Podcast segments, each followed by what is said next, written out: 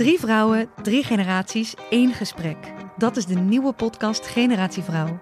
Samen met babyboomer Nora Beijer Wij vonden dat heel gewoon. en Roos Slikker uit Generatie X Jouw generatie doet dat. onderzoek ik, millennial Eva Breda, wat we van andere generaties kunnen leren. Iedere vrijdag een nieuwe aflevering op Flair, Libelle of margriet.nl slash podcast.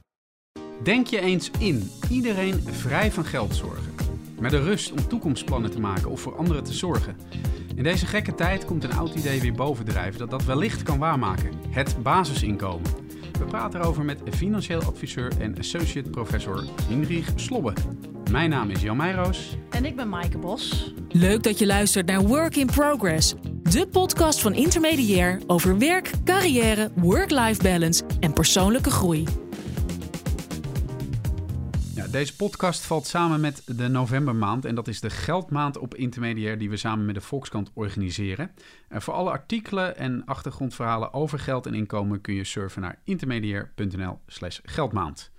Welkom Hinrich, Eh, je bedrijf heet WizWiz, Wisdom in Finance. Vond ik eh, was natuurlijk meteen een leuke woordgrap. En je hebt je studenten al vaker het wijze idee van het basisinkomen uitgelegd.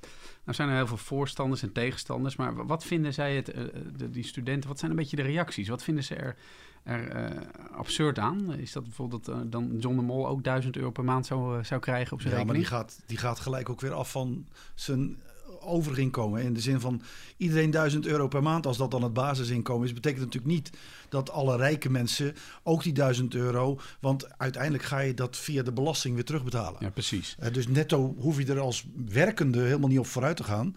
Maar het is vooral voor de niet-werkenden een veel aantrekkelijker alternatief dan het aanvragen van uitkeringen, het eh, regelen van een studiefinanciering of wat, ja, zelfs je, je AOE kan je daarvoor vervangen.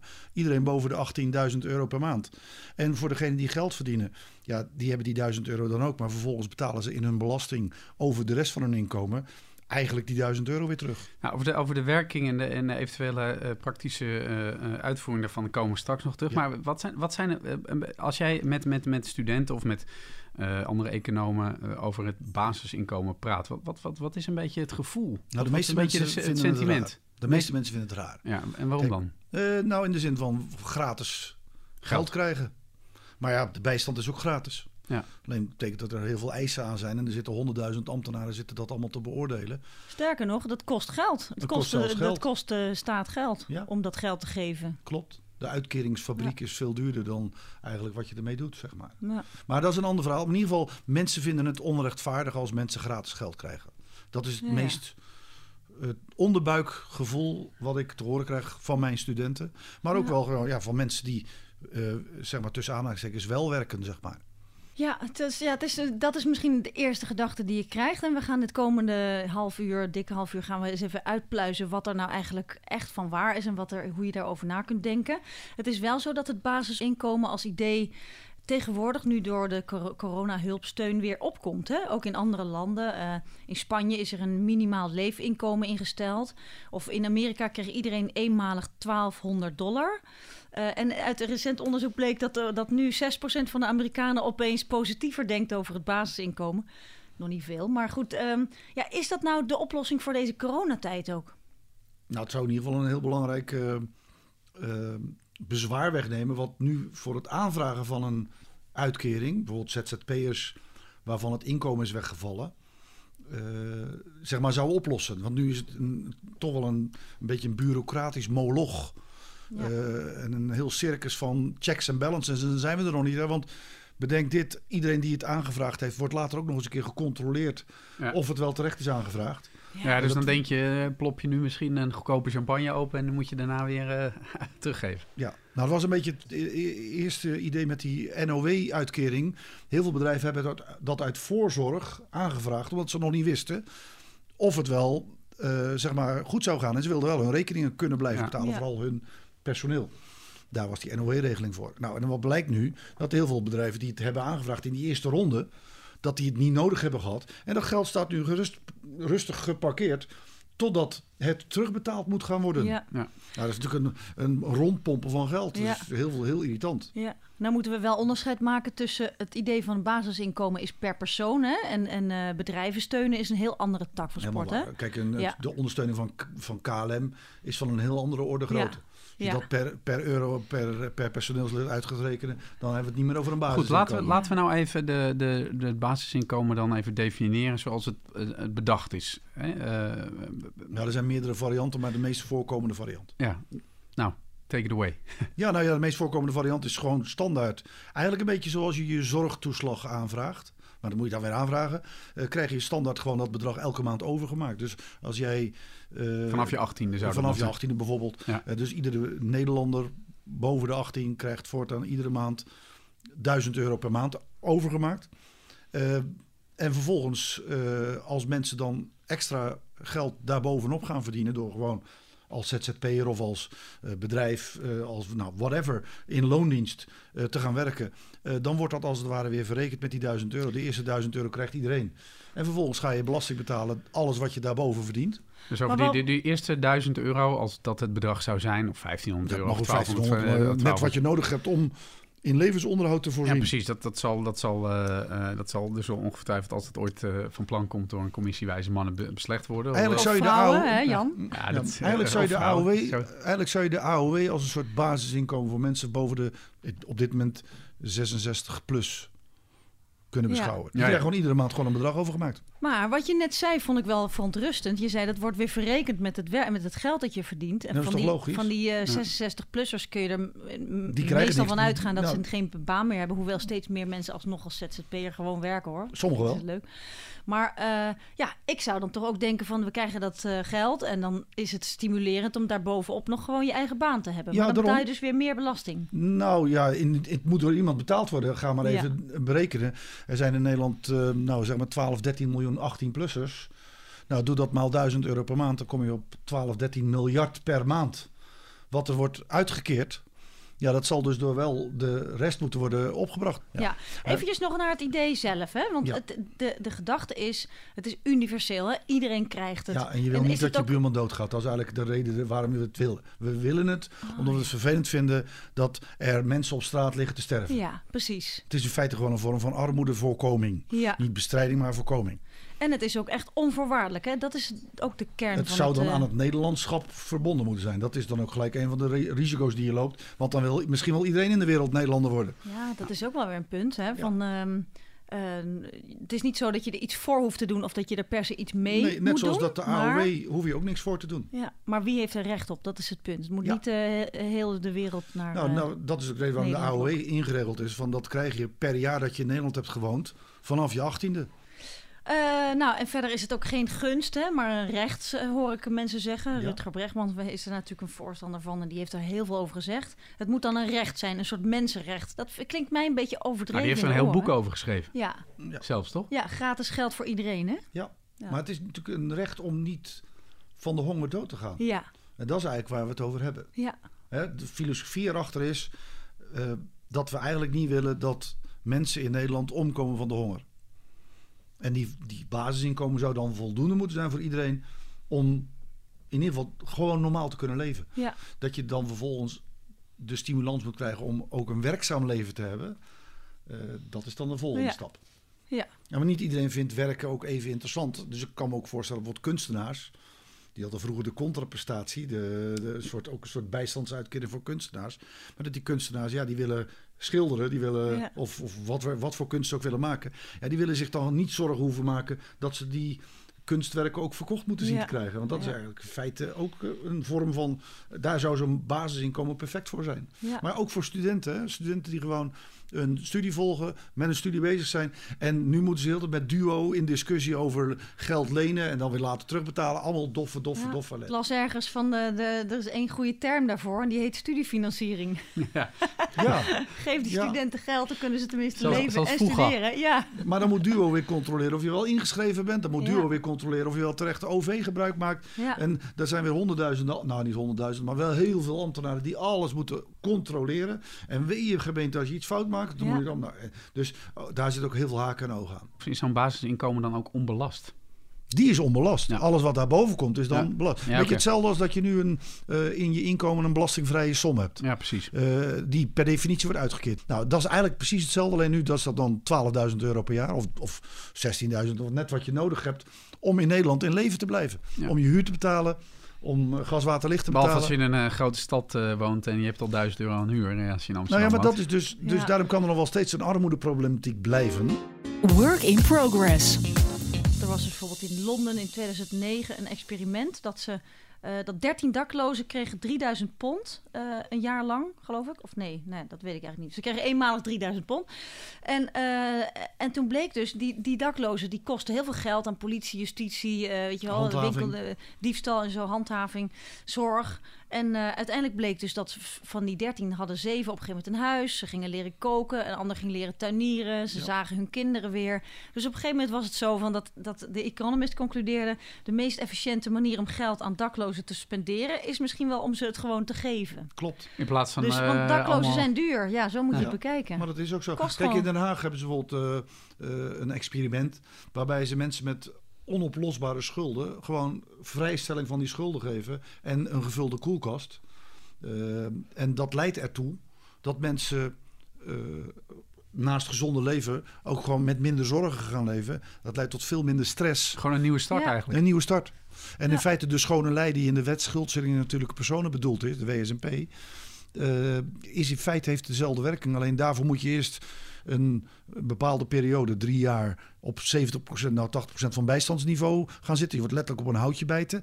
Omdat daar ook een stukje idee van de maatschappij zit van, ja, je moet wel bloeden voor het feit dat je onoplosbare schulden hebt. Terwijl dat vaak mensen zijn die helemaal die schulden niet zelf veroorzaakt hebben, maar bijvoorbeeld getrouwd waren met iemand met nadruk op waren getrouwd met iemand die Ja. bijvoorbeeld eh, een gokverslaving had.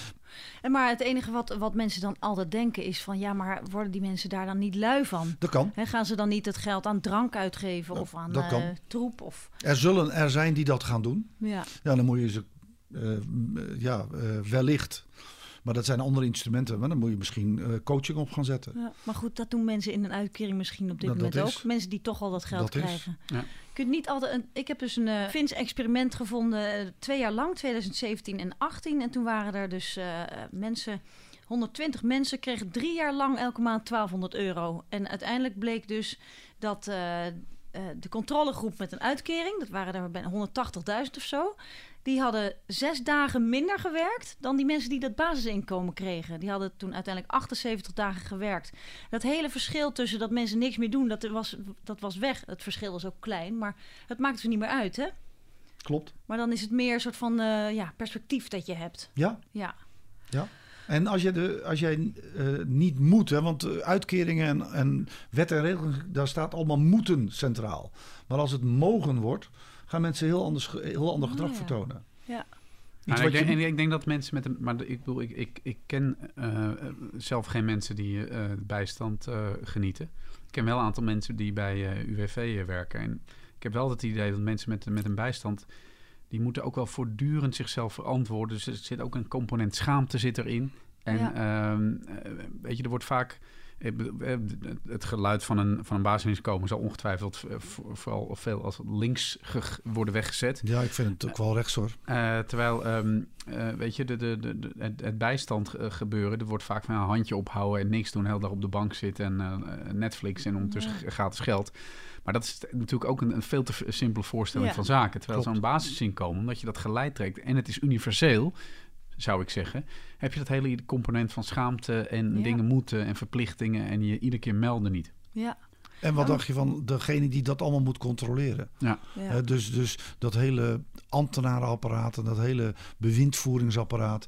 eh, als we dat alleen al in de eh, schuldenindustrie, zoals we dat dan noemen, ja, ja. eh, bekijken. Dat aan de ene kant eh, de deurwaarders en de eh, juristen, eh, zeg maar, hun kant van het verhaal proberen vorderingen geïncasseerd te krijgen. En aan de andere kant de hele eh, pappen en nat houden eh, van bewindvoering, eh, Ja. eh, schuldhulpverleners en al dat soort figuren. Ja, die houden ook, dat is een miljardenindustrie. Hè? ja, die en die miljardenindustrie houdt Ja. elkaar allemaal aan het werk. Ja. En een vordering kan zomaar oplopen van 100 euro, kan zomaar ineens 1000, 1500 euro na aftrek van alle kosten. Ja. Als dan vervolgens vervolgens dat geld weer moet worden uh, uh, weggesaneerd, kost dat nog eens een keer zo'n bedrag. Dus je bent gewoon alleen maar schade op schade op schade aan het doen. Ja.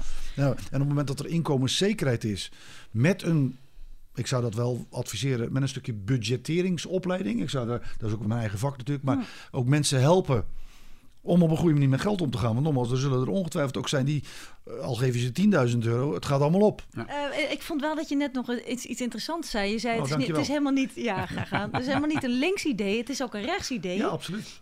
En ik, uh, het is ook een rechtsidee. Ik, ja. Het voorkomen van overtrokken ambtenarij. Oh ja, kleinere overheid. kleinere overheid. Het stimuleren van uh, zelfredzaamheid. zelfredzaamheid. Ja. En dat daar, uh, nogmaals, nu via alle uitkering, regelgevingen. Eigenlijk betalen we nu al meer dan 1000 euro per maand aan al die mensen die Ja. geen eigen inkomen bij elkaar verdienen. Want Ja. daar hebben we het over. Hè? Het Ja. over mensen die niet in staat zijn om een eigen inkomen, of die niet in staat zijn, die op dit moment niet een eigen inkomen bij elkaar verdienen. Ja. Dat hele regelen kost al lang die 1000 euro. Oh ja, terwijl, want je kunt ook zeggen van dat, dat is ook een veelgehoord tegenargument van ja, dan moeten de werkende mensen nog harder werken om dit te betalen. Nee, we betalen nu belasting om al die, Ja, ja, ja. eh, al die regelgeving te regelen. Ja, nou laten we daar eens naar gaan kijken. Het deel van eh, hoe, hoe betaal je nou eigenlijk dat basisinkomen? Van, noem eens even al die ingewikkelde toeslagen. Kunnen, kan dat basisinkomen werkelijk al die toeslagen van tafel vegen? Ja, want in dit basisinkomen stop je dan gelijk de noodzakelijke eh, budgetten voor zorgverzekering. alle noodzakelijke eh, regelgeving rondom eh, huur. Dus eh, huurtoeslag, één oude toeslag. eh, nou, dat, al dat soort toeslagen kun je in dat basisinkomen verwerken. Ja. Maar hoe, hoe zie je dat dan voor je? Dus dan zou een één, eh, een één ouder gezin zou een ander basisinkomen krijgen dan een twee ouder gezin? Of? Lijkt, lijkt me heel slim op het moment dat jij... Ja, dat is weer fraudegevoelig, dat is het nadeel ervan. Eh, laat ik anders zeggen. Als jij in Amsterdam in je eentje met drie kinderen 1500 euro basisinkomen krijgt... Ja, dan ga je, ga je dat niet redden. Nee. Dus, dus dan betekent dat dus dat dat niet voldoende gaat zijn. Nee. En nu zie je dat dat met allerlei toeslagen... eh, iemand die nu in de bijstand zit met alle toeslagen op huur, zorg... één ouder, weet ik veel, al heel de rattenplan... die komt al bijna aan 2000 euro per maand. Netto, hè? Ja. Ja. Dus dat, dat is wat we nu op dit moment aan mensen in de bijstand kwijt zijn... als ze in de meest negatieve situatie zitten. Ja. Dus, dus anders gezegd, het is niet zo dat eh, eh, mensen die nu in de bijstand zitten... dat die maar, eh, dat die maar 700, 800 euro Nee. krijgen. Door alle toeslagen Ja, loopt dat ja. op tot ongeveer anderhalf, 2000 euro pp. Ja. Ja, in, in een eensgezinssituatie bijvoorbeeld. Dus, dus dat lossen we er ook niet mee op. Dat betekent dat jij een, eh, een basisinkomen ontwerpt, moet je dat natuurlijk daar wel in verwerken. Ja. Maar we zouden het ook niet betekenen dat als het ingevoerd zou worden, want dat is natuurlijk ook wel. Het zou, het is, het is, je hebt het niet van vandaag of morgen gedaan, natuurlijk. Nou, dit moet je wel eigenlijk van vandaag op morgen doen. Nee, je bedoelt je moet in één keer het hele, Bam, het hele ding om, omflippen het, het is een volledige, volledige eh, Ja. hervorming van Maar, je... maar, maar wat, de, de- wat natuurlijk heilig is in Nederland, is die hypotheekaftrek. Eh, ja, die moet je gelijk afschaffen. Dat is ook het meest waanzinnige idee. Waarom zouden wij met... Ja, in feite is het gewoon een, een, een subsidie voor de rijken. En dan ben ik rechts, hè. Maar Ja. het slaat natuurlijk helemaal nergens op dat wij... eh, eh, mensen die voldoende verdienen om hun eigen huis te financieren. Die rente is nu extreem laag, dus die aftrek valt op dit moment ook wel mee. Als er een moment is om hem af te schaffen, is dat nu. Met de huidige lage rente. Maar het is in feite nog als een subsidie voor eh bovenmodalen, zeg maar. En ondermodalen Ah, ja. hebben geen kans om een huis te kopen, want die huizen zijn te duur. Ja. En ik ben ervan overtuigd, dat is geen links of rechts praatje, dat de huizen te duur zijn, mede door de hypotheekrenteaftrek. Maar wat ik dan, als je dat terugrelateert aan het basisinkomen, wel weer interessant vind, is dat mensen zeggen: ja, maar nu krijgen alleen de armen een bijstand of een uitkering. En straks krijgen ook de rijken die Ja, maar 1000 dat euro. verreken- Maar inderdaad, die rijken die krijgen ook hun douceurtjes, toch? Die rijken die krijgen de hypotheekrenteaftrek. Ja, niet en alleen die krijgen misschien ook de kinder, kinderbijslag of kindertoeslag of Ook. eh, En uh, dat kinderopvangtoeslag. dat zouden we ook niet anders willen. Hoewel als je meer verdient dan een bepaald bedrag, krijg je dat niet. Maar Nee, maar Ja. wel, wel de, de kinderbijslag krijgt iedereen. En, en dat Ja. vinden we terecht, want Ja. moet je ongeacht iemand zijn inkomen doen. Maar ja, laten we reëel zijn, die rijken krijgen ook via onze subsidiëring heel veel eh, eh, toeslag, zeg maar. Wat denk je als je naar het eh, Rijksmuseum gaat of als je gaat naar het, hier naar het Concertgebouw? Even verderop. Weet je hoeveel subsidie daarbij gaat? En weet je wie daar vooral gebruik van maken? Dat zijn vooral de bovenmodalen. Ja. Maar dat zou je niet verrekenen met het basisinkomen. Nee, absoluut, absoluut nee, niet. dus dan moet je eigenlijk los Nee, van deze discussie. Ja. aan- vind voor, een, voor een rechtse econoom vind ik dit wel een verfrissend geluid, moet ik Ja. zeggen. Ja, maar je moet ook gewoon helder blijven nadenken. Z- sowieso. Work in progress. Even terug naar dat basisinkomen van hoe, hoe hoog dat nou zou zijn. Want er is eh, een voorzitter van de vereniging Basisinkomen, die heet Alexander de Roo. En die kwam met een voorstel dat je bijvoorbeeld per persoon eerst 600 euro krijgt en per eh, huishouden, bijvoorbeeld per stel ook, nog een keer 600. Dus als je eh, een tweepersoons eh, huishouden hebt, zou je dan 1800 euro krijgen. En per kind nog eens 300 erbij. Dus, en een alleenstaande, die krijgt dan die 600 plus 600 voor zijn huishouden, is 1200. Dus dan, dan krijg je zeg maar als stel net wat minder per persoon en als alleenstaande net wat meer. Want dan moet je ook altijd je kosten dragen. Dat klinkt voor mij al als een heel logisch idee. Nou, je moet het sowieso proberen als je het gaat, gaat ontwerpen. Is een ontwerpkwestie. Zo simpel mogelijk. Ja, En zoveel mogelijk voorkomen dat er perverse prikkels ontstaan. ja. Maar, Zoals? daar, maar ik heb het idee dat bij de- Nederland en bureaucratie en, en de overheid en regels, dat, het- dat simpel, dat, is toch, dat lukt niet zo vaak. Nee, maar dat is juist het mooie van basisinkomen. Dat dwingt je om daar juist een, versimpli een simplificering te maken. Maar nou vroeg ik me dus af, hè? want je hebt het over de zorgtoeslag, die zou kunnen verdwijnen, kinderopvangtoeslag, kinderbijslag, zelfstandige aftrek, hypotheekrenteaftrek. Al die rommel. Nou ja, als iemand nu meer aan toeslagen kreeg dan die 1200 euro per maand, dan komt hij opeens in de schulden. Of, ja, maar dat kan dus, daarom, da- daarom vind ik dat voorstel van meneer De Roo ook wel best aardig. Dat je zegt van oké, we kijken naar mensen per persoon, maar ook naar huishoudens. Ja, want die wonen in één huis. Daarom, en op die manier kan je natuurlijk al heel veel van die problematiek voorkomen. Dat laat Ja. natuurlijk onverlet dat er mensen kunnen zijn die in een te duur huis wonen. Ja, Hè, als ik hier in Amsterdam eh, de Ja. huur moet betalen, dan is dat een ander vraagstuk. Daarom Ja. wonen er dadelijk in Amsterdam alleen nog maar rijke mensen. ja, de overheid kan dus stukken goedkoper en kleiner. Want wat kan er allemaal afgeschaft worden? De duo, zei je al, hè? De Duo, studiefinanciering. studiefinanciering, AOW. eh, AOW, maar ook, ook heel veel werknemersverzekeringen die niet meer hoeven. Want je hoeft niet meer te verzekeren, eh, zeg maar, tot 1000 euro per maand hoef je niet meer te verzekeren.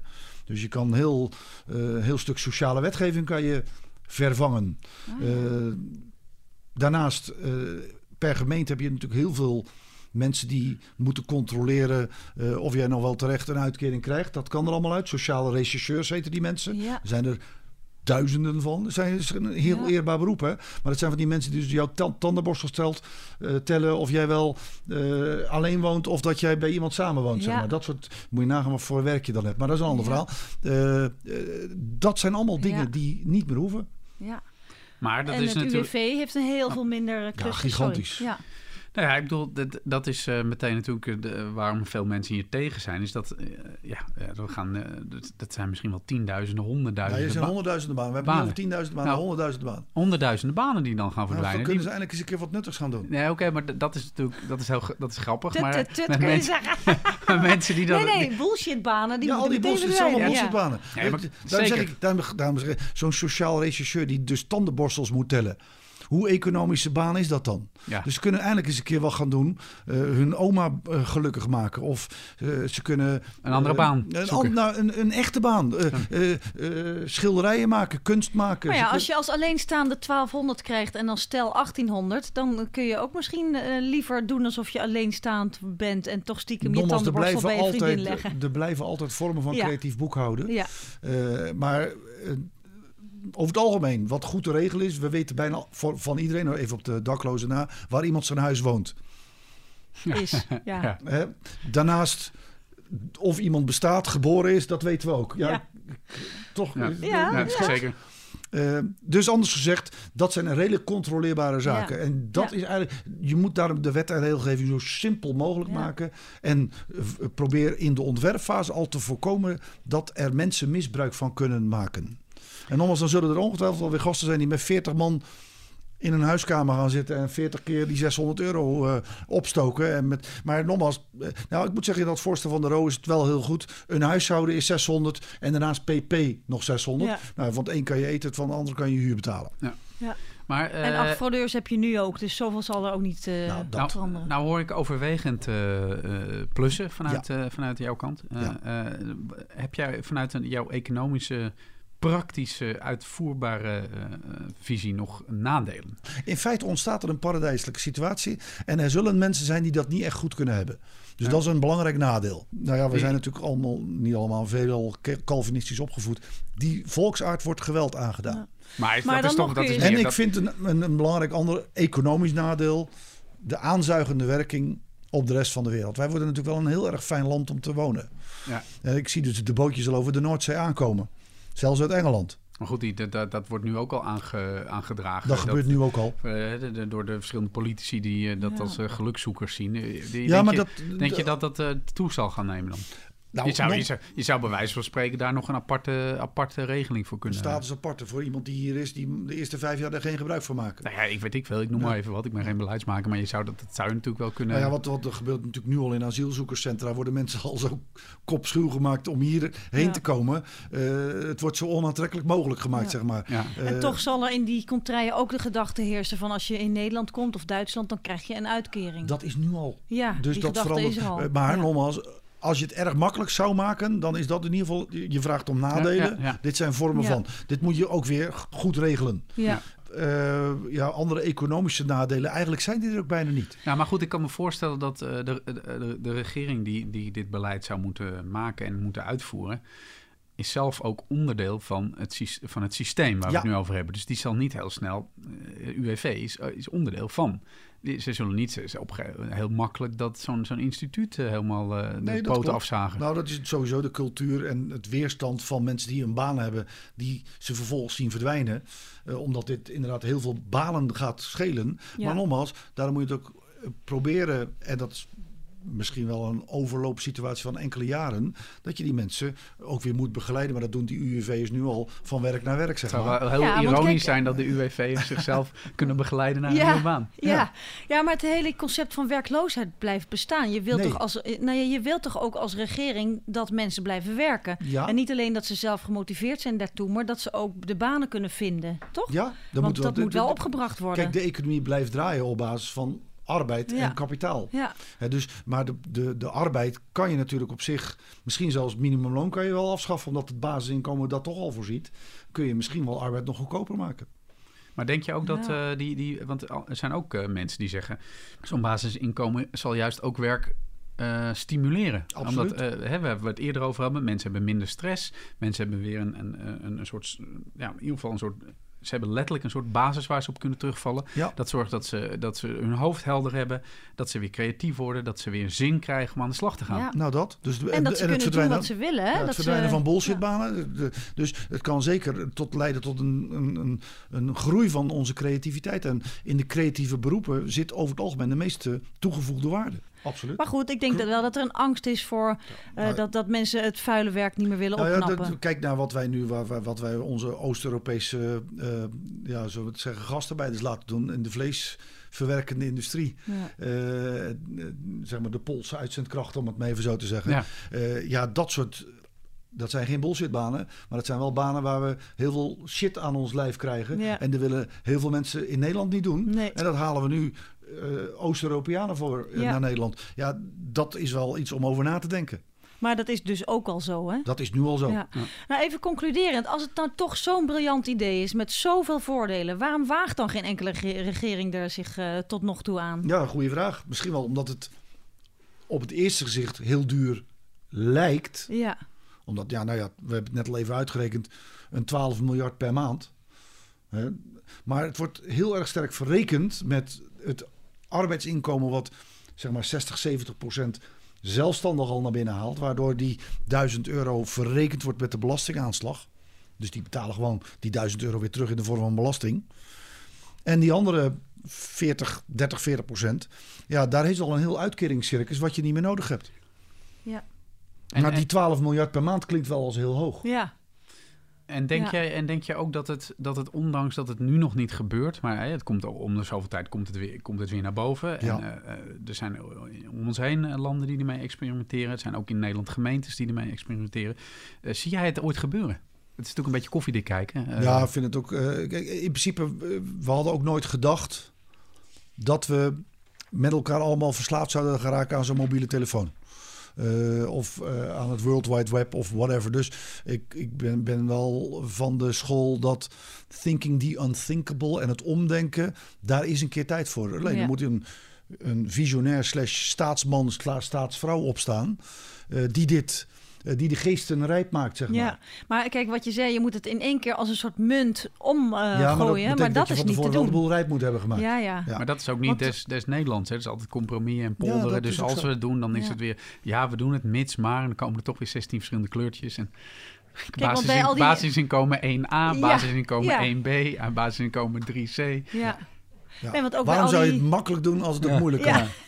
Al die tests, al die, eh, al die experimenten, daar heb je, hebben mensen vast ook niet eh, hun zorgtoeslag zien verdwijnen of hun, eh, weet je wel, hun AOW-recht Ja, dat kan zien ik niet verdwijnen. beoordelen, want ik heb de Ik ook niet. testresultaten niet Ik, gezien. Dus Nee, ik heb ook niet eh, in, in detailvormen. Maar weet je wel, voordat je dat echt kunt testen, hè, van hoe dat is als je ook al die andere dingen weer wegsnijdt bij mensen. Ja, Ja. dat. dat eh, Maar een belangrijke voorwaarde, die wordt wel vergeten. Een, een, een combinatie met dat basisinkomen is flat tax.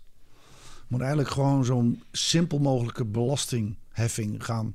Dat je voor iedere euro die je bovenop die 1000 euro verdient, 30% of 35% belasting betaalt. En meer niet.